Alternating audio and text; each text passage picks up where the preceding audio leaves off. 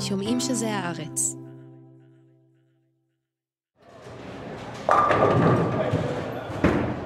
שלום לילך. שלום, יונתן.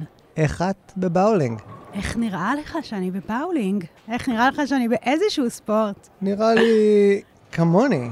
גרוע אך לא מביך, שזה אזור הנוחות שלי. אה, אך לא מביך, זה הרבה יותר ממה שאני. לא, לא, לא.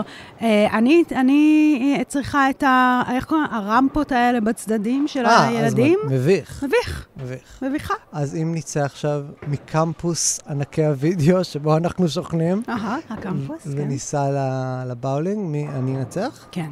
אבל לא תהיה לך סיבה אחת להתגאות. זה באמת, אתה תרגיש שניצחת גור חתולים רטוב. אז את בטח כבר יודעת על איזה סרט נדבר היום? אני יודעת את זה, אתה מדבר היום, כן? אה? כדאי שאני יודעת. הביג ליבובסקי. ביג לבובסקי.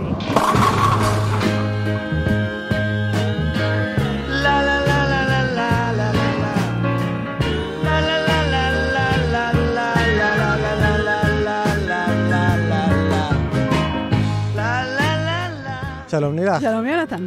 וברוכים הבאים לענקי הוידאו, פודקאסט של הארץ על סרטים ועל אנשים שאוהבים סרטים. והיום אנחנו עם אחד הסרטים הכי אהובים, הכי מצוטטים, הכי מוכרים, אני חושב, אי פעם.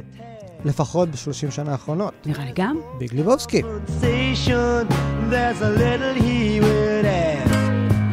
Take a woman. אני בדרך כלל בשלב זה מתאר את העלילה. אני לא הולך לעשות את זה, כי זה ייקח לי אה, 35 דקות. זה יהיה מאוד מסובך. אז אני פשוט אה, אספר שזה אה, סרט מ-1998 של האחים כהן. נוצר בתקציב לא עצום, 15 מיליון דולר. לסרט עצמאי זה לא רע, אבל זה בהחלט לא אה, סרט אולפן גדול. זכה להצלחה קופתית די משמעותית, 45 מיליון דולר. אבל זה, שוב, בהחלט לא, לא שובר קופות, בטח לא לסוף שנות ה-90, שזה כבר, אנחנו מדברים על מונחים הרבה יותר גדולים. בטח לא למעמד שמרגיש שהוא צבר.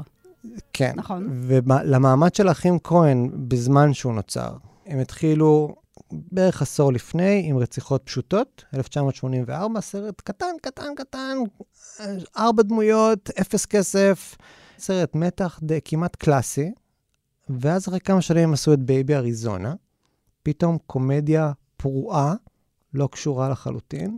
אחרי זה צומת מילר, סרט גנגסטרים, ואני מדגיש את ההבדלים האלה כי נורא קשה למקם את האחים כהן גם היסטורית, גם ז'אנרית. ז'אנרי, כל הקריירה שלהם מאוד מאוד מסתורית. זה לא טרנטינו, אתה יודע לאן זה הולך. בדיוק, הייתי אומר ייחודי, כי גם אין להם, יש להם טביעת אצבע סגנונית, אבל קשה בדיוק להגדיר אותה. זה מין קולנוע עילאי ומתנשא כזה, בסגנון, אבל אין להם איזשהו מין, אה, אתה רואה את זה, אז זה שעות של אחים כהן, כמו שיש לטרנטינו. נכון.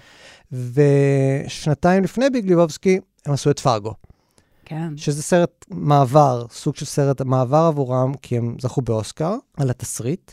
ואז בשלב הזה, האחים כהן יכולים פחות או יותר לעשות מה שהם רוצים, And they did. and they did. הם עשו סרט כאילו שקשה להגדיר אותו, קשה להסביר מהו, אנחנו ננסה לעשות את זה, אבל הוא, הוא באמת ייחודי מאוד. כלומר, קשה מאוד לה, להצביע על עוד סרטים ולהגיד, אה, זה כמו ביג ליבובסקי. כלום לא כמו ביג ליבובסקי, וביג ליבובסקי לא כמו כלום בדיוק. כמוך. כמוני. אז לפני שנתחיל לדבר על הסרט, את זוכרת מתי ראית ביג ליבובסקי בפעם הראשונה? ראיתי אותו בקולנוע, זה אני יודעת. אה, אני רוצה להגיד רב חן דיזנגוף. לא הייתי כאילו איזה מין אה, אה, עכברת קולנוע נורא כזה אה, משכילה. אני חושבת שהגעתי כי מאוד מאוד אהבתי את פארגו, ו- ולא בדיוק הבנתי מה קורה. ציפיתי למשהו אחר, ומאוד מהר היה לי ברור שזה זה, זה לא סרט בשבילי. זה לא. לא, זה לא סרט עליי ובשבילי, כמו, כמו ש... זה מה שרציתי הרבה פעמים מקולנוע, בטח אז. אז לא בדיוק הצלחתי להבין מה אמורה להיות המערכת יחסים שלי עם הדמויות האלו, לא, הם, הם לא נראו לי מוכרות. זה כן הצחיק אותי. הצלחתי להבין שזה משמעותי וחכם, רק לא להגיד למה. אמרת לא בשבילך, התכוונת להגיד לא בשביל נשים, אני חושב.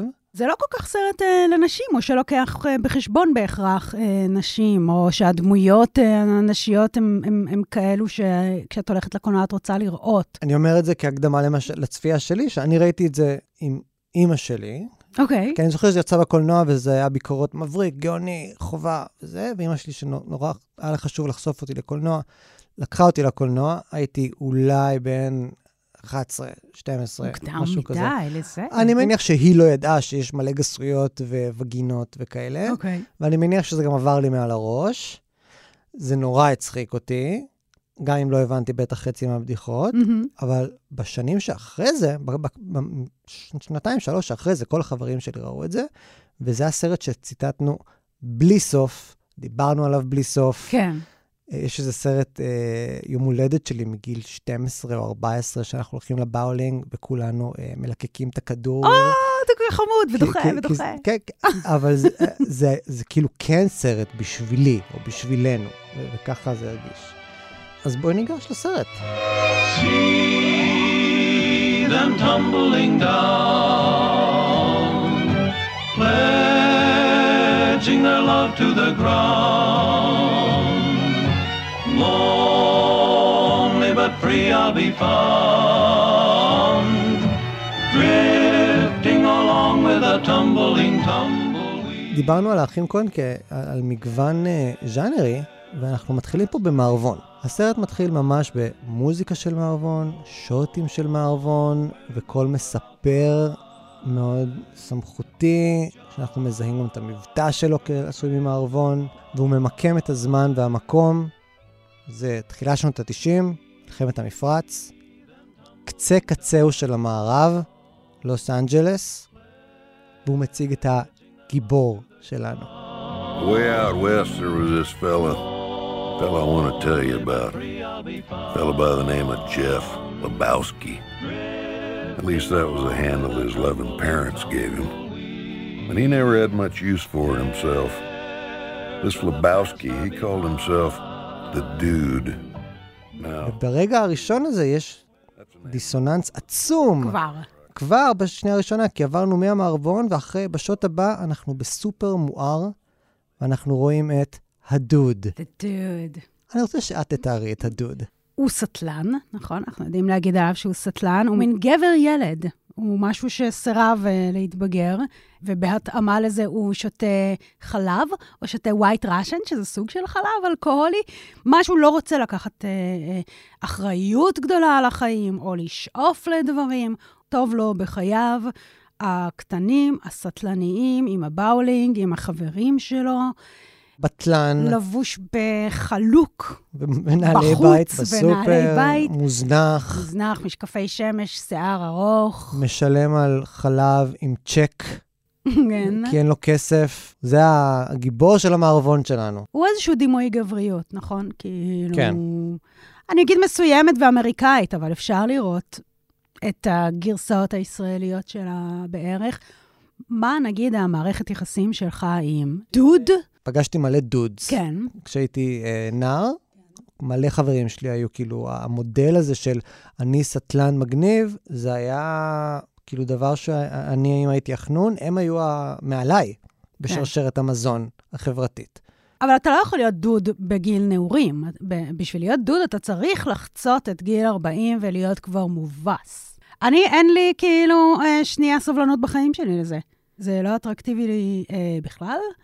אה, אני לא זורמת, אני לא אדם זורם. נכון. זה לא דבר. מה, נכון. מה אתה מסכים אני מיד כל מעיד, כך מהר? אני מעיד. שום דבר בזה לא אטרקטיבי.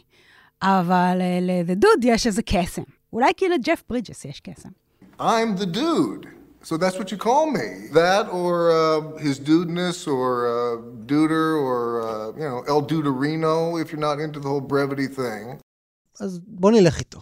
מהסופר, חזרה הביתה, הוא נכנס ומותקף.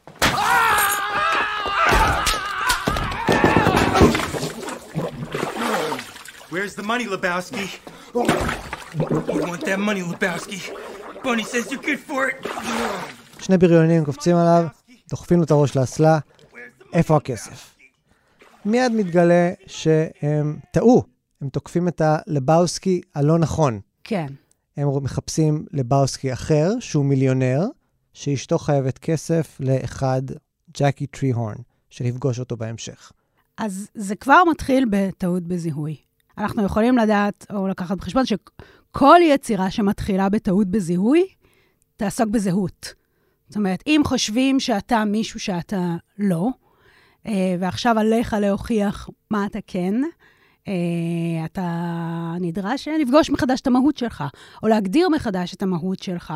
זה לא משנה איזה יצירה, זה יכול להיות הברווזון המכוער. זאת אומרת, זה יכול להיות אפרוח של אה, ברבור, שחושבים שהוא בעצם ברווז. אבל אני חושבת שבאמת זו יצירה שעוסקת בזהות, בזהות גברית, ספציפית, אבל בזהות. ומשהו מהמהות הזאת של דדוד, אנחנו פוגשים אותה כבר שם. כלומר, כשדוחפים לו את הראש המון אנחנו לאסלה, פוגשים, בטח. התשובה, ש- כאילו, התגובה שלו היא לא, מה אתם עושים לי בבית, או צאו מפה, או אני הולך להגן על עצמי. היא כאילו, You got the wrong guy. I'm the dude, man. מין כזה אפסיות כזאת, או אולי ציניות. הוא מאוד מאוד פסיבי, הוא מאוד פסיבי, ו- וזה כשכל הסצנה היא מאוד uh, גברית. Not on the rug, man. See? See what happens, Lebowski?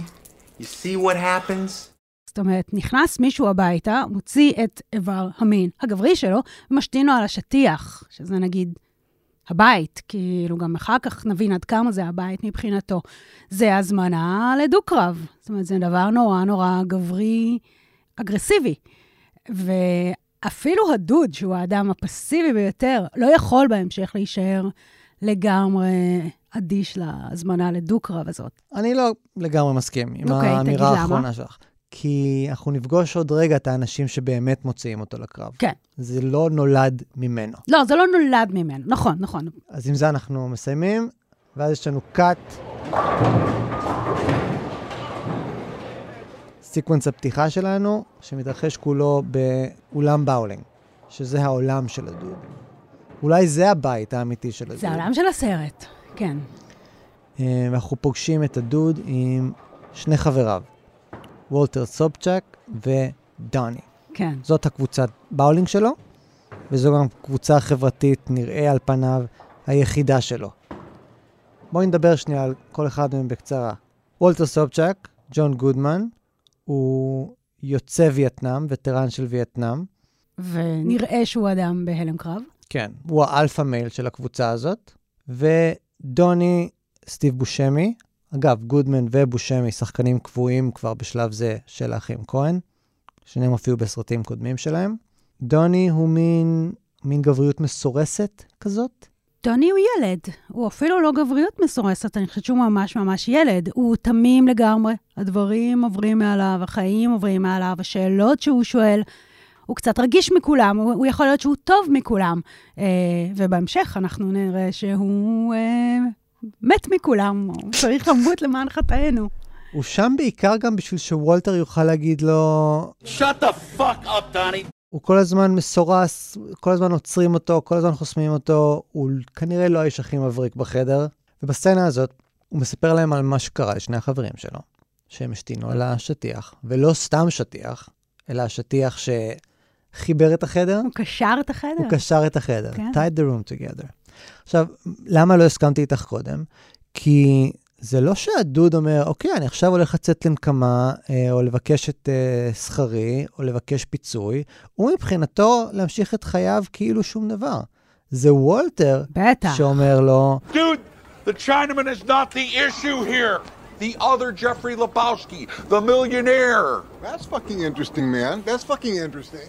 Plus, he has the wealth, obviously, and the resources, uh, so that there's no reason, there's no fucking reason why his wife should go out and owe money all over town, and then they come and they pee on your fucking rug. Am I wrong? No. Am I wrong? אבל וולטר ודוני הם המלאך הטוב והמלאך הרע היושבים על אה, כתפיו של אה, דוד. ומהבחינה הזאת, הם חלק ממנו. זאת אומרת, כש, כשוולטר מצליח לשכנע אותו לעשות משהו, או דוני מחזיק את החלקים הרכים והתמים יותר של אה, The Dude, הם קולות בראש שלו באותה מידה. כשהוא יוצא לקרב, הוא יוצא לקרב, לקרב אתה יודע. כשהוא, כשהוא נענה למין challenge הזה, אה, זה בגלל ש... בוודאי, שזה בגלל שוולטר הדיח אותו לדבר הזה, כמו כל מיני דברים שהוא מדיח אותו אליהם בהמשך. אז אני רק רוצה להגיד, לפני שאנחנו ממשיכים, מתחילה להיווצר פה כבר, בדקות הראשונות, איזה מין גלריה של זהויות גבריות. התחלנו עם דמות הקאובוי, שרק שמענו אותו בשלב זה, ואז הדוד, ושני הבריונים, ועכשיו וולטר האלפא, ודוני הילד או הגבר המסורס, כפי שאני אגיד, וזה הולך ו- ומתרחב. הגלריה הזאת הולכת ומתרחבת לאורך כל הסרט. כי זה באמת סרט שמאוד מאוד עסוק ב... מה הופך גבר לגבר? מה הופך אדם לאדם? השאלה הנשאלת אני בסרט. חושבת, what makes a man, כן. ואני חושבת שספציפית, הוא הדוד. נגיד איך היית מתרגם את זה בעברית, הוא, הוא האח, הוא בחוריקו, כאילו, הוא דבר כללי לא, לא, כזה. אני אצטרך להגיד בחוריקו. את לא, את לא מחוברת לרחוב, לך, אף אחד לא לא, אבל אומר זה לא הרחוב. אין מילה כזו, אבל, אבל גם אין the dude, כי אני לא רוצה שזה יהיה האח. מה שאני מנסה להגיד זה שהוא כל אדם. He's every man. זה נכון וזה לא נכון, כי הוא נורא נורא ספציפי. הוא the dude, אנחנו יודעים מה המהות של the dude, אבל הוא יוצא לאיזשהו מסע, אה, ואני בכוונה אומרת כל אדם, כי יש מחזה מהמאה ה-15. אה. אתה לא יכול לגלגל עיניים, אנחנו בפודקאסט בהארץ. זה הדבר, זה המצב, אני מצטערת. יש מחזה מוסר מהמאה ה-15 שנקרא כל אדם. האחים כהן מודעים אליו, אוקיי? אולי לא אתה, יונתן אנגלנדר, אבל האחים כהן שמעו על כל אדם. וזה סיפורו של אדם, שאלוהים מבקש ממנו אה, להוכיח שהוא אדם טוב לפני מותו. כי נמאס לו מהשננגנס של כולם, אומר, fuck with that shit. ת- תוכיח לי שאתה אדם טוב. והוא יוצא לפגוש כל מיני, אה, זו אלגוריה, כן? זה לא מחזה מעניין במיוחד. הוא יוצא לפגוש כל מיני וירטואס, כל מיני, את, את הטוב, את החמלה, את הידידות, את הרכוש. מהמם. וזה קצת המסע של The Dude, ובגלל זה הוא everyman, הוא עושה את המסע הזה. הוא לפני מותו, נגיד, צריך להוכיח שהוא אדם, צריך להוכיח שהוא אדם טוב, צריך להוכיח שיש סיבה אה, אה, לאלוהים אה, לשמור עליו, או לאהוב אותו, הוא צריך לזכות בחסדים שלו. אז בהנחה שעדיין יש מאזינים, אחרי מחזה המוסר של לילך, אה, אפרופו לא... מה קרה? אנקדוטה חמודה בצד? אפרופו גבר מסורס, כן. בואו נפגוש את ברנט. כן. That is the key to the city of Pasadena, which Mr. Lebowski received two years ago in recognition of his various civic. Uh, oh, that's the Los Angeles Chamber of Commerce Business Achiever Award, which is given, well, not necessarily given every year, given only is when there's this, a uh, worthy is somebody. This, is this him with uh, Nancy? Yes, indeed, that is Mr. Lebowski with the First Lady, yes. דוד הולך לפגוש את אה, ליבובסקי המיליונר, אבל פוגש קודם את שומר הסף שלו, ברנט, פיליפ סימור הופמן בהופעה מדהימה, מדהימה. אולי גונבת את, ה, את ההצגה מבחינתי. באמת צריך להיות פיליפ סימון הופמן כדי להצליח לעשות כל כך הרבה עם כל כך מעט. העוזר של ליבובסקי הוא מין כלבלב נרצע... הוא בטא מבחירה. אתה, אתה רואה אנשים, נגיד שבמקום עבודה, הם כל כך מזדהים עם העבודה, הם ממש קונים את כל סיפור ה"אנחנו משפחה", כאילו, הוא באמת בטא מבחירה. ואז אנחנו פוגשים את ליבובסקי המיליונר. זה ביג ליבובסקי. Okay, sir, you're a Lebowski, I'm a Lebowski. That's terrific. What can I do for you, sir? הוא נכנס על כיסא גלגלים. אני כבר, אני עוצר ואומר מעכשיו, מה, מה אני צריך להגיד? בעל מוגבלות? נכה? הוא נכה. אוקיי. אדם נכה, כמה ווק אפשר להיות? על כיסא גלגלים. הוא כבר שמע את הסיפור מברנט, הוא לא מבין מה הוא רוצה ממנו. Did I urinate on your rug? No, like I said, woo or peed on my rug. I just want to understand this, sir. Every time a rug is micturated upon in this fair city, I have to compensate the person. Come on, man. I'm not trying to scam anybody here. Uh, you know, I, I'm just. Uh, You're just looking for a handout like every other. Are you employed, Mr. Lebowski? הוא גבר אחר. הוא עוד מודל כן, גברי. הוא עוד מודל, נכון. הוא המודל, המודל בסרט, למה שנקרא באנגלית Self-Made Man. הוא איבד את רגליו במלחמת קוריאה, מציג את עצמו כמיליונר, אף שנלמד בהמשך שזה לא נכון, אבל מצליחן. הבוז שהוא רוכש כלפי הדוד הוא מהרבה בחינות מוצדק. כלומר, אתה לא עובד, אתה לא יודע איזה יום היום בשבוע בכלל, מה אתה רוצה ממני? כן. אני מיליונר, אני עשיתי את כספי שלי, לך תחפש את החברים שלך, לך תמצא עבודה. אפשר להבין אותו. כן. זה קול שיש לכולנו בראש. וחלקנו יותר, יונתן. אה, הבנתי. אוקיי. אבל יש פה שתי שורות חשובות מאוד מאוד מאוד לסרט. הדוד אומר, I am not Mr. Lebowski. You're Mr. Lebowski. I'm the dude. שזו שורה נורא חשובה. נורא חשובה. הוא מקבל על עצמו את, ה, את הדודיות שלו כזהות. הוא לא רוצה, קודם כל, הוא לא רוצה להיות מיסטר. זה חד משמעית. הוא לא מיסטר הוא יודע כלום. שהוא לא מיסטר. אבל יותר מזה, הוא לא רוצה את השם שלו. הוא לא שושלת של שום דבר, הוא צף בחלל. זה רק הוא, תופעה ייחודית, לא מחוברת לכלום. השורה השנייה אה, של לבובסקי השני, The bums will always lose! The bums will always lose, שזו תפיסת העולם שלו.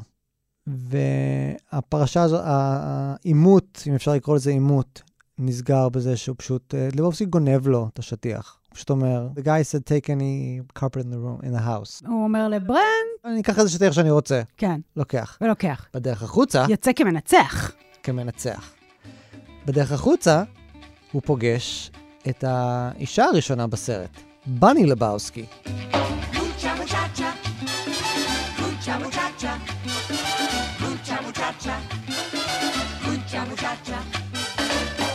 בני לבאוסקי היא אשתו של לבובסקי הגדול, היא אותה אחת שכביכול חי- חייבת כסף לג'קי טריהורן. והיא אה, בימבו. זה הדבר היחיד שאפשר לומר עליה. היא, היא... זה קצת, אני, אה, תרשי לי. זה חמור בעיניך? לא, אני רוצה לפני לא, שאת... הרחב את דמותה אם כך, סליחה שנפלתי. אני פשוט רוצה, לפני שאת מתחילה עם הפרופגנדה הפרוטו-פמיניסטית, אה, להפך, להציג אותה להגיד, רגע, כן. כפי, ש, כפי שהסרט מציג אותה. אנא, אישה נאה, כן, צעירה, יותר מנה, כן. בביקיני, מהמם, שמה לק ירוק על הציפורניים שלה, מהמם. שזה משהו מאוד מאוד חשוב להמשך. והיא מבקשת מאדם זר שהרגע פגשה, the dude, לנשוף על האצבעות שלה. כן, ננשוף על הבעונות שלה שהתייבש לה הלק. אה, אז על- אמרת הרבה מאוד מילים. אה, היא בימבו. כן, כי הדבר הבא שהיא אומרת לו, הוא... I'll suck your cock for a thousand dollars. אבל לברנט אסור להסתכל. או שהוא צריך או שהוא לשלם צריך 100. לשלם גם. 100. הוא רוצה למות. אוקיי, אז עכשיו אני מוכן להטפה. אין לי שום הטפה, הכל בסדר. האחים כהן עושים את הסרט שהם רוצים לעשות אה, על דימויי גבריות. אין לי שום טענה לזה. אנשים צריכים לכתוב על מה שהם מכירים ורוצים לספר. הטענה היחידה הכללית היא שיכול להיות מקום בעולם לעוד מספרים ומספרות ועוד סיפורים וסיפורות. אבל אי אפשר להגיד על בני שום דבר, קוראים לה בני for fuck's sake. נכון. זהו. אולי חשוב יותר, הוא אולי קונקל, הבן זוג, אה, ספק אה, שחקן פורנו לצידה, לא יודע בדיוק מה היחסים ביניהם, שצף לו בבריכה, נראה אה, מאולף. ליד בקבוק בירה, וכל מה שאנחנו לומדים עליו בשלב זה, זה שהוא ניהליסט.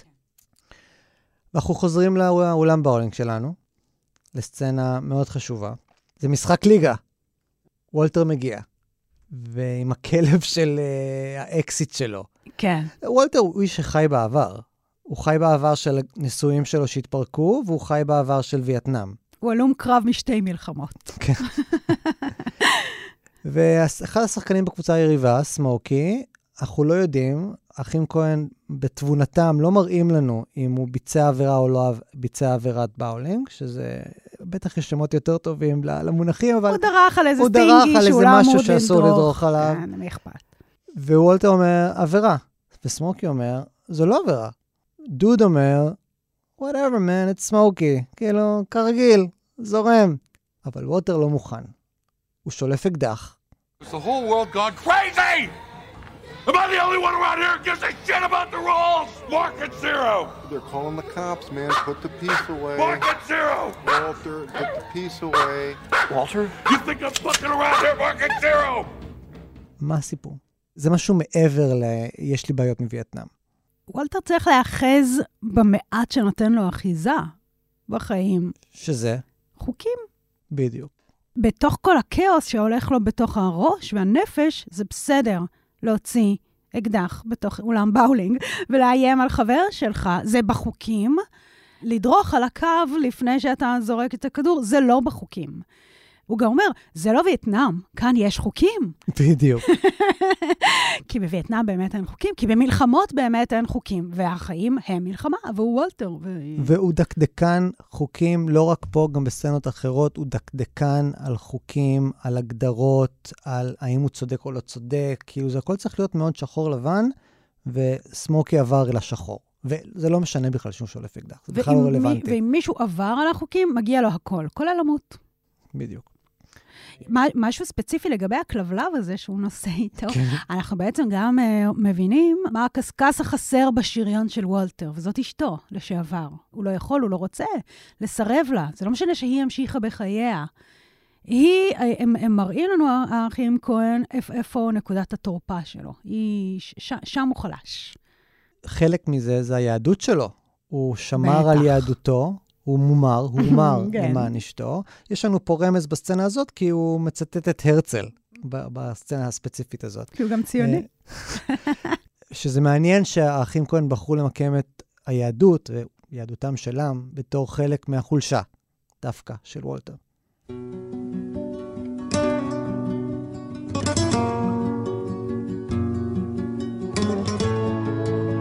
אני עובר לעוד דמות. כן. בעולם, העולם הזה של, של אולם הבאולינג הוא עולם שלם, זה מיקרוקוסמוס, זה, זה, זה כמו הסרטים של דיוויד אטנבורו. ואולי במרכז שלו, במרכז הדמויות האקסנטריות שיש לנו שם, אנחנו פוגשים את קווינטנה.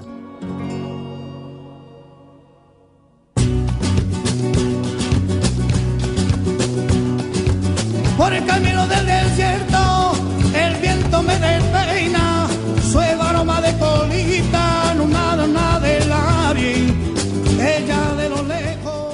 ג'ון טורטורו. בתפקיד הכי מדהים שלו אי פעם. אז שוב, כל פעם בא לך להגיד, טוב, זה התפקיד הכי טוב שלו והוא גונב את ההצגה. אבל קווינטנה הוא מופיע לדעתי בסרט במצטבר שלוש דקות, אולי ארבע דקות. ותראה כמה הוא זכור.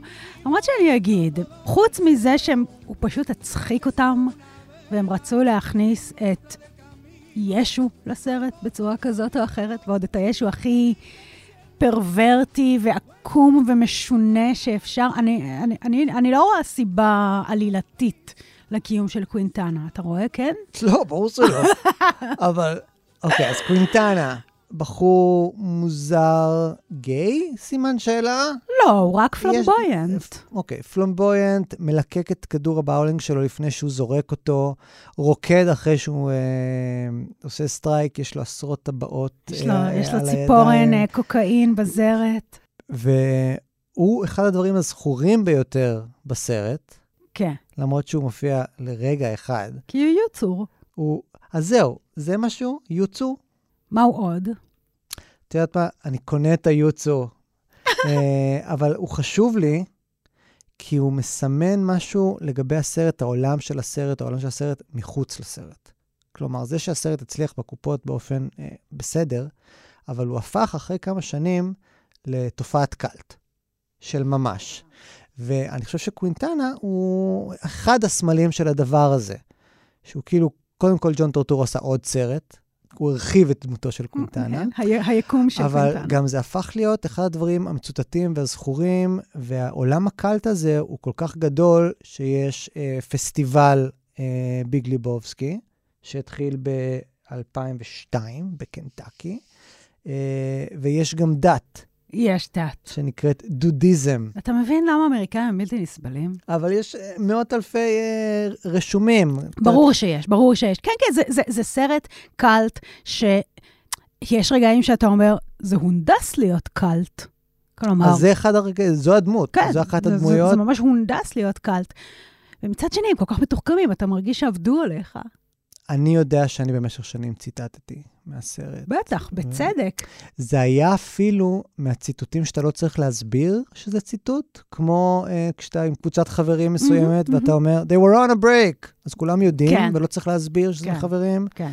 אז כשבאיזושהי סיבה לא ברורה מדברים על שטיח, ומישהו אומר, it ties the together." room", אז אין שום צורך כאילו להגיד, אה, כן, זה ציטוט מ. נכון. זה, זה ברמה הזאת. אז קווינטנה אז הוא פשוט קווינטנה הוא ה...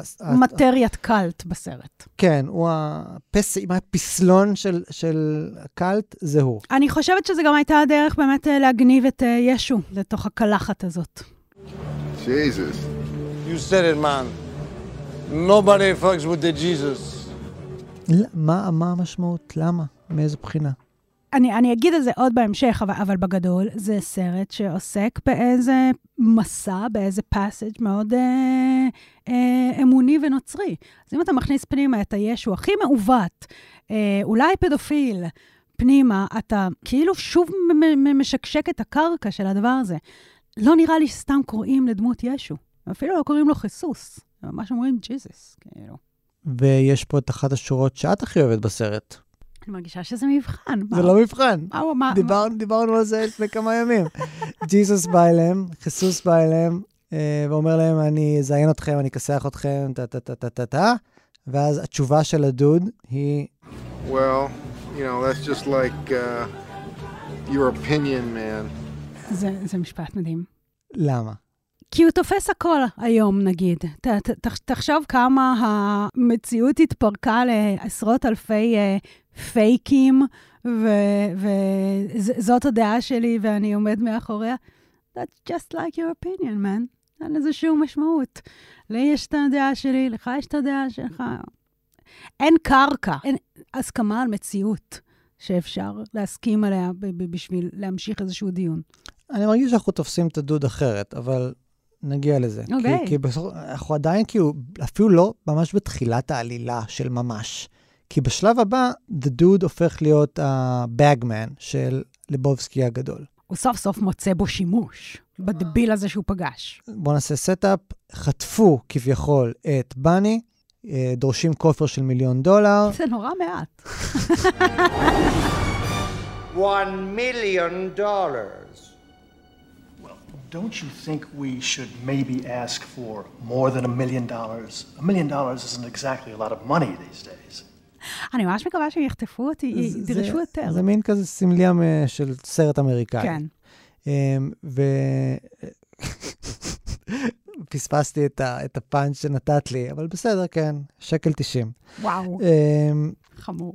וליבובסקי מיליונר משתמש בליבובסקי, the dude, בתור הבגמן שלו. אתה תיקח את הכסף, אתה תעשה את המסירה.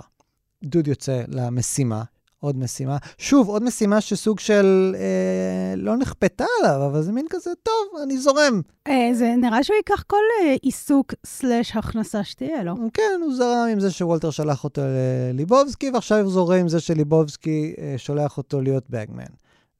ווולטר מצטרף אליו. וזה clusterfuck. וולטר בנה תוכנית שבה הם ייתנו את הכביסה המלוכלכת שלו לחוטפים, הוא יכסח אותם מכות, והם ישמרו לעצמם את כל המיליון דולר. כי וולטר תמיד מוכן, אם זה בחוקים הפרטיים שיש לו בראש, ואף אחד לא יודע עליהם, לדפוק מישהו אחר בשביל להיטיב את uh, מצבו. כי הוא קצת במצב הישרדות כל הזמן, כלומר, הוא עדיין בנם. הוא מוכן לדפוק מישהו אחר בשביל שיהיה לו. אני חושב שהוא רואה מבצע. הוא רואה מבצע. הוא רואה מבצע, זה נכון. ואיך מנצחים במבצע. כן, המלחמה מביא- אף פעם לא נגמרה. והוא מביא עוזי, וכמובן שהכל משתבש. You fucked it up! You fucked it up! Her life was in our hands, man. Easy, dude. We're screwed now. We don't get shit. They're gonna kill her. We're fucked, Walter. הם נשארים בלי כלום. יש להם את הכסף באוטו, אבל כך הם חושבים. המסירה לא בוצעה. והתגובה של אה, וולטר לכל הסיפור הזה היא Ah, fuck it, dude. Let's go bowling. חזרה חוזרים הביתה. חזרה הביתה. Oh my god. אה, אמרנו אותו דבר, איזה חמודים אנחנו. כל כך חמודים. אבל גם זה מסתבך. גונבים לדוד את האוטו, אולי כי הוא חי- חנה בחניית נכים. כנראה שכן. וגם, ראינו כמה סצנות קודם, לא סיפרנו שגם גנבו לו את השטיח. שוב. שוב, אחרים. מישהו פרץ לו, כן. מישהי פרצה לו לבית, אחד הבריונים שנתן לו אגרוף, וגנבה לו את השטיח. ואז הוא הולך לפגוש אותה. ועכשיו אנחנו פוגשים את מוד ליבובסקי. הדמות הנשית השנייה היחידה בסרט הזה. אני עכשיו אשתוק, יש בסר, בסצנה עירום פלוס אה, וגינות, ואתן לך לתאר אותה. לא, אל תשתוק עכשיו. אנחנו פוגשים את מוד ליבובסקי, שהיא אה, הבת של אה, The Big ליבובסקי.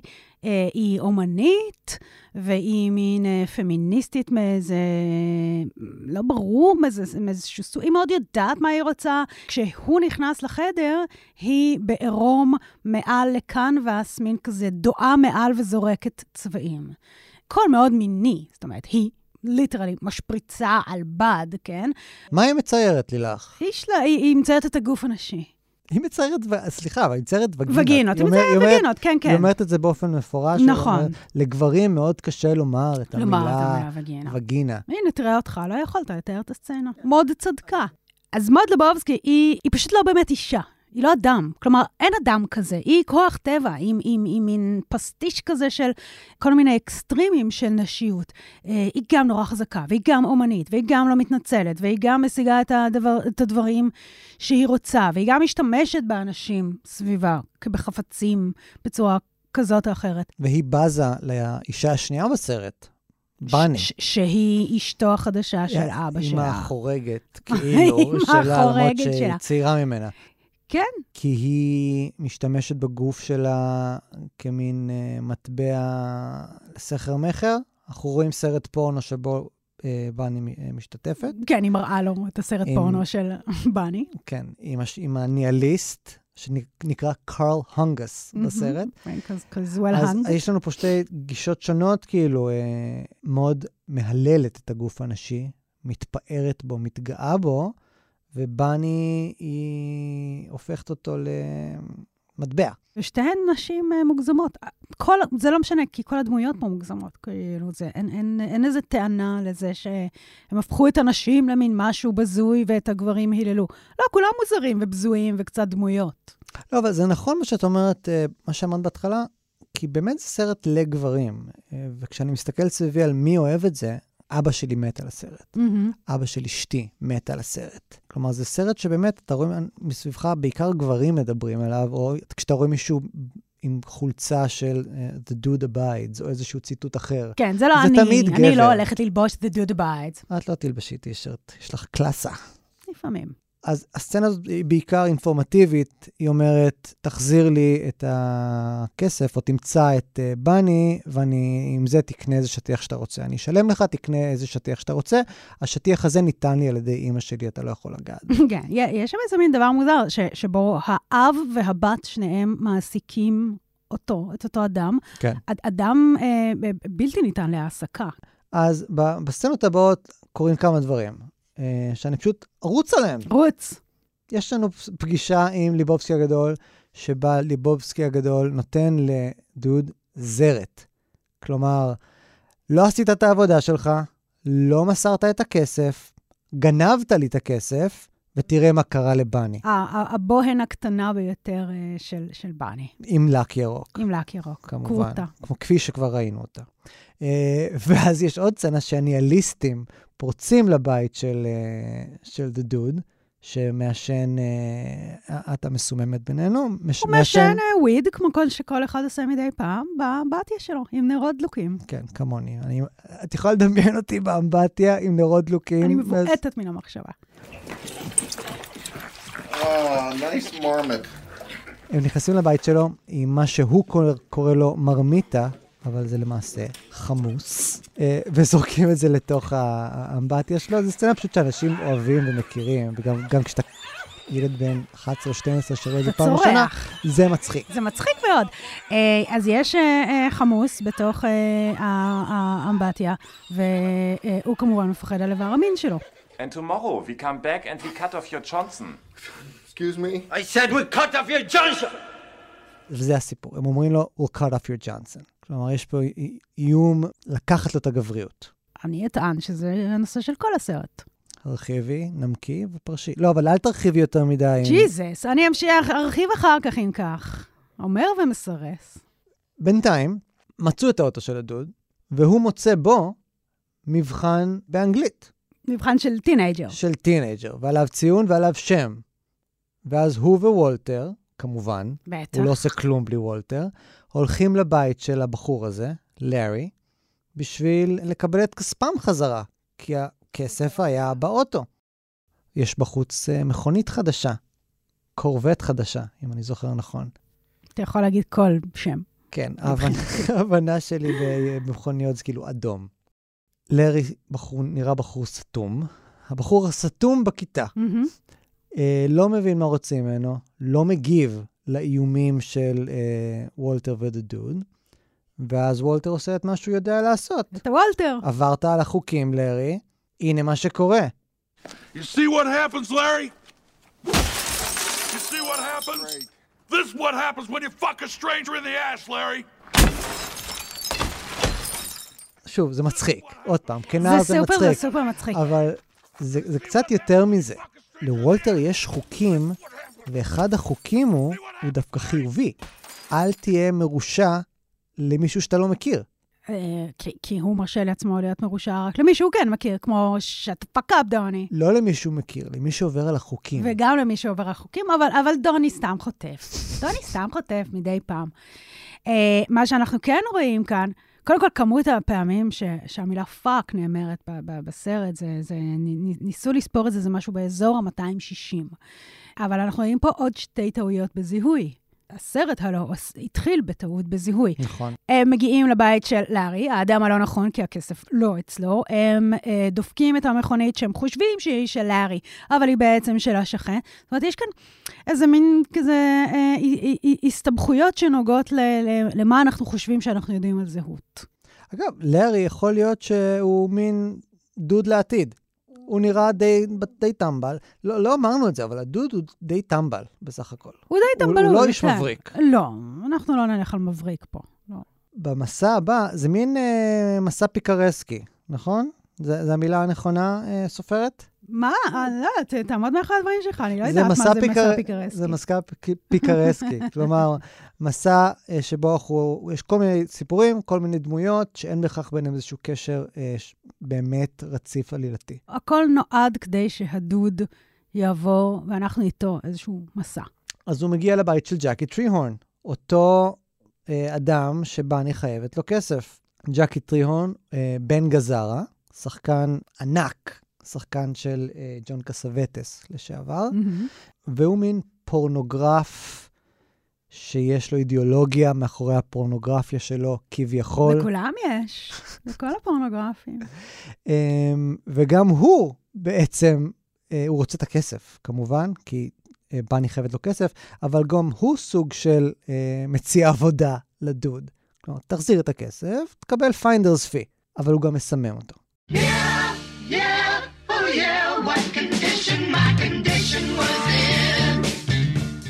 בסצנה אה, מעניינת מאוד בתוך הסרט. אחת הכי איקוניות של הסרט, סצנת הזיה, מעין סרט פורנו, מתחיל עם ג'קי טריהורן presents. כלומר, סרט של ג'קי טריהורן, סרט בשם Gutter Balls. ומיד אנחנו רואים את הדימוי של אה, פין באולינג, אה, באמת קוראים לו פין, נכון? אני לא באמת זה. קוראים לו אוקיי. פין. ו- ו- ושני כדורי בולינג, כלומר, מיד יש לנו זין וביצים על, ה- על, על המסך. וכל ההזיה הזאת, היא עוסקת ב- ב- ב- בפנטזיות ובפחדים גבריים. הוא והגודל האמיתי שלו, הוא, הוא, הוא נכנס אה, קטן ורוקד, והצל שלו נורא גדול. ואחר כך יש אה, המון המון אה, נשים יפות, אה, של, שלבושות עם מין כובעים כאלה של, של פיני באולינג, והוא פוגש את מוד. יש שם איזה ריקוד חיזור טווסי כזה, הוא מנסה כאילו קצת לפתות אותה. ואז הוא עובר בין הרגליים של כל הנשים האלו, כמו כדור בולינג, אבל הוא בעצם עובר מתחת לווגינות שלהם עד על מסלול אה, בולינג, כאילו. נכון, משלב את כאילו שתי האהבות הגדולות שלו, באולינג וסקס. אנחנו כלומר, אפילו לא יודעים גבר. עד כמה הוא obsessed עם סקס, כאילו, זה, זה, זה, זה לא לגמרי ברור, הוא נראה קצת חסר ליבידו, האיש. הוא כן מחייך כשהוא רואה את הווגינות מה יש של לו ה- לחייך? אה, אבל חשוב להגיד ש... כן, זה, זה ריקוד טווסי, אבל שלא נגמר בסקס. כלומר, זה סרט פורנו לצורך העניין, שלא נגמר בסקס, הם לא מתנשקים, הם בקושי נוגעים זה בזה. כי זה, זה, זה פוגש את החרדות שלו. זה הופך להיות סיוט. בטח. ובסיוט הניהליסטים רודפים אחריו עם מספריים ענקיים, כי הולכים לחתוך לו את איבר המין. כן, כי, כי, כי, כי כל הדבר הזה עוסק בפחד מסירוס אה, ובפריון. זאת אומרת, אם אנחנו שואלים למה באולינג, כי זה ממש הדימוי של, כאילו, אין, אין, אין יותר ביצית נדפקת על זרעונים שוב ושוב. אני רציתי לשאול אותך למה באולינג. נראה לי זה. ו- זו תשובה הכי מעניינת שחשבתי ש- שאני אשמע ממך, כאילו לא, לי זה לא עלה. Uh, אני חשבתי שפשוט כי זה ספורט שגברים שאינם בכושר, מבוגרים, שתיינים, יכולים להיות טובים בו. לעומת כמעט כל ספורט אחר, זה בקושי. ספורט. זה, זה, זה hardly סלי- ספורט. סליחה לב... למעריצי הבאולינג, אבל מי? זה מי בקושי... מעריץ באולינג בארץ? זה דבר בכלל? ומסצנת ההזיה הזאת, אנחנו עוברים כמעט לשיא של, הס- כלומר, אנחנו כבר מתקרבים לסוף של הסרט. כן. אנחנו רואים לרגע את בני לבובסקי נוסעת באוטו, ו? וכל amazingly enough. כל בהונותיה איתה. כלומר, לא, לא רק שלא נחטפה, אה, ודאי שלא, אם, אם היא לא נחטפה, אז גם לא חתכו לה את, ה, את האצבעות. היא חי את חי חייה היפים. והטיפשים, בהחלט. סחטיין עליה. כשהוא מגיע הביתה, הדוד, הוא פוגש את מוד, כן, ומוד במשימה משל עצמה. והיא, היא רוצה אה, לשכב איתו, הוא זורם עם זה, כי הוא זורם עם כל דבר, אה, אבל יותר מאוחר הוא מבין שהיא מנסה להתעבר ממנו. כלומר, בלי, בלי לשאול אותו, היא, היא סוג של גנבה לו זרע. והיא רוצה פרטנר שאין לו שום עניין בגידול הילד. והיא בוחרת אותו מאותה סיבה שאבא שלה בחר אותו. הוא fuck up. הוא לא יבוא בטענות לאף אחד, אין לו מספיק אגרסיה גברית בשביל להתנגד למשהו. הוא הולך לפשל את זה ככה או אחרת, אז כאילו, זה מה שהיא צריכה. מישהו שלא רוצה שום דבר ולא יבוא אליה בטענות. אה, והיא מספרת לו שלאבא שלה אין כסף בכלל. זה הכל הצגה. זה הכל כסף של אימא שלה. וזה החתיכת פאזל שהייתה חסרה לדוד כדי להבין כביכול את כל התמונה. והוא מבין שליבובסקי הגדול בכלל לא שם כסף, הוא רצה למשוך כסף מהחשבון של אה, אשתו, או מאיזושהי קרן, או whatever, נתן לדוד משהו בלי כסף, כדי לשמור את הכסף לעצמו, ואז להאשים את הבטלן האפס שהוא, שהוא במקרה פגש. וכמובן שליבובסקי הולך אה, להתעמת, הוא לא הולך לבד, הוא יקרא ל... כמובן שיקרא לוולטר. לוולטר, אה, והם הולכים ביחד.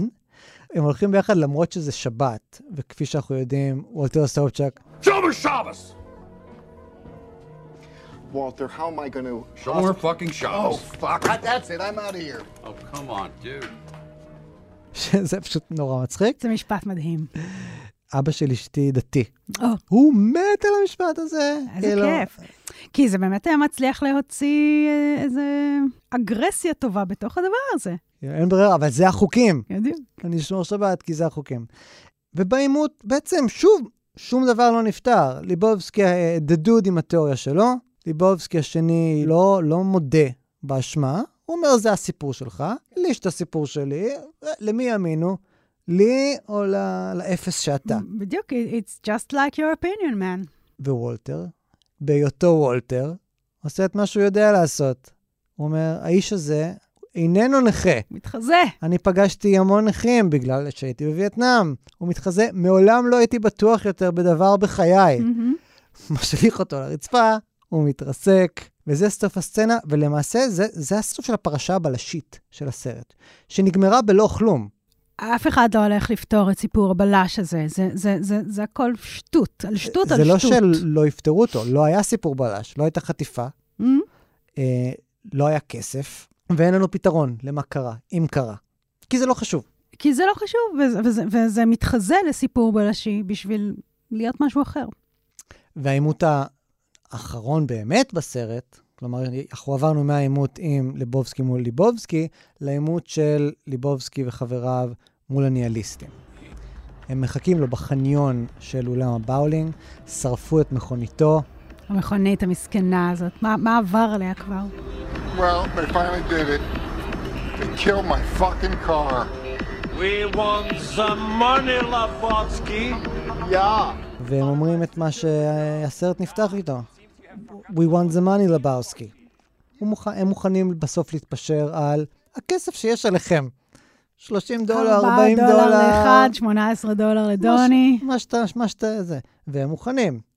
אבל וולטר, כאילו בעצם, אני כל הזמן אומר, ווולטר ווולטר ווולטר, זה כאילו וולטר הוא הגיבור של הסרט כמעט. לא, אבל הוא ה- המטען של אה, The Dude. הוא זה שמספק לו את הכוח לזוז קדימה, לא למקומות טובים. אם ניקח את דימוי המערבון, ש-The Dude הוא הגיבור שלו, אז וולטר הוא האקדח. כן.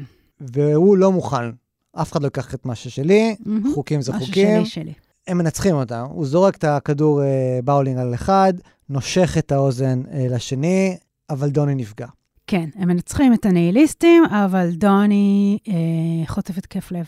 ובסצנה שהיא השיא הרגשי של הסרט, הם אה, הולכים להשליך את אה, עפרו אל עבר הרוח. אז אני רוצה רגע לעצור, למה דוני חייב למות? למה דוני חייב למות בעיניך? לא חשבתי על השאלה הזאת. אני חושב שבלי הסצנה הזאת, אין קתרזיס רגשי לסרט. האם יש קתרזיס רגשי ב-The Big Lebowski? אני מרגיש שכן. אה, זו הסצנה הכי חפה מציניות שיש בסרט. אבל לא באמת, כי תכף אנחנו נראה שכשהם זורקים את האפר, אז האפר עף ומכסה את ליבובסקי. The dude. נכון, אבל זה לא הרגע הקתרזיס. אולי בכל זאת שנייה נתאר את הסצנה? כן. וולטר נותן הספד, שכמובן מכניס את החברים שלו מווייטנאם, שמתו אה, לפני שהיה הרגע שלהם וכן הלאה. והוא, מש, כמו שאת אומרת, הוא משליך את האפר, האפר, אז זה רגע כביכול רגיש. עפר עף על The Dude, אז כל הרגע הרגיש נהרס. ואז מגיע הרגע הרגיש. Oh shit, dude, I'm sorry. Goddamn wind. Fuck. God damn it, Walter. You fucking asshole. Dude, I'm sorry. It's a fucking travesty with you, man. I'm, sorry, it was an accident. וולטר מנסה לנקות אותו, The Dude דוחף אותו, אומר לו, אתה כזה fuck up, ואתה תמיד מכניס את וייטנאם, ואז פשוט וולטר מחבק אותו. והם מתחבקים, וזה הקתרזיס הרגשי של הסרט. אוקיי. בסופו של דבר, מעל הכל, אחרי הכל, הם פשוט חברים. ואם זה סרט על גבריות, אז גם זה חלק מהעניין. לגמרי, חברות גברית. אני חושבת שדוני חייב למות בתוך ההקשר הזה, כי הוא, הוא, הוא, הוא באמת השעיר לעזאזל. זאת אומרת, הוא, הוא, הוא, הוא הסקייפגוט ממש, במובן הזה של הוא מת עבור החטאים של כולם. הוא הכי טהור שם, הוא לא עשה שום דבר רע לאף אחד.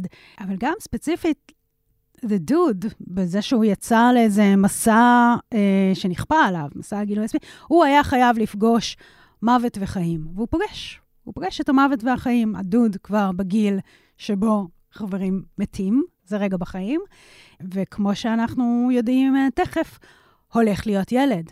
כלומר, הוא פוגש את ההמשך, הוא פוגש את ההמשכיות, הוא פוגש את החיים. הולך להיות הליטל לבאוסקי. את מביאה אותנו בעצם לאפילוג של הסרט. שבו אנחנו פוגשים, וגם הדוד פוגש בפעם האחרונה, את המספר. מה שנאמר ביניהם פחות חשוב, אבל הוא פונה לצופים. ובדרך כלל כשהמספר מדבר עם, עם צופים, או בספר מדבר עם הקוראים, יש איזה מין מוסר השכל קטן, או הוא בא להגיד לנו עוד דבר אחד על מה הדמות למדה, אבל נראה שפה אין מוסר השכל, לא. והדמות אה, לא למדה לא דבר ולא חצי דבר. כי זה לא בדיוק הדיל, לא עם הסרט הזה ולא, ולא עם האחים כהן. רוג'ר ש, שכתב על אה, מבקר הקולנוע הידוע, כשהוא כתב על ביג ליבובסקי, אה, בין היתר, הוא, הוא נתן לזה רק שלושה כוכבים. ביזיון. ביזיון. אה, כן, כתב, אה, זה סרט שצריך לבוא עם פתק אזהרה. מי, ש, מי שעומד לחפש כאן עלילה, יחטוף כדור. לא הסיפור, לא, הולך, לא הולכת להיות עלילה, אל תחפשו את זה אפילו. הדבר היחיד שבכל זאת כן המספר מציע כנחמה, הוא אומר, קיבלתם סיפור טוב, Mm-hmm. ויש נחמה בזה שאיפשהו שם בחוץ, הדוד נמצא שם, שומר על קור רוח, בזמן שכולנו החוטאים דואגים מכל השטויות הקט... הקטנות האלה של החיים. כן. אז יש נחמה בזה ש... The abides. The abides, בדיוק, כן. Just got home from Illinois. Lock the front door, oh boy. Got to sit down, take a rest on the porch. אה, אז אה, בשבוע הבא, יונתן, כן. נדבר על סרט שאולי טיפה הכרחתי אותך לדבר עליו. טיפה. מציאות נושכת. סרט נהדר, סרט של אה, דור איקס. תצפו גם, תבואו כזה טעונים, ונדבר עליו. מלא. אני גם מנסה לדבר שבוע הבא. ולפני שניפרד, בביג לבובסקי אפשר לצפות בהוט וי-אס, ובמציאות נשכת אפשר לצפות באפל TV פלוס. תודה רבה לאסף פרידמן, לאמיר פקטור אה, ולדן ברומר. נתראה שבוע הבא. נתראה שבוע הבא.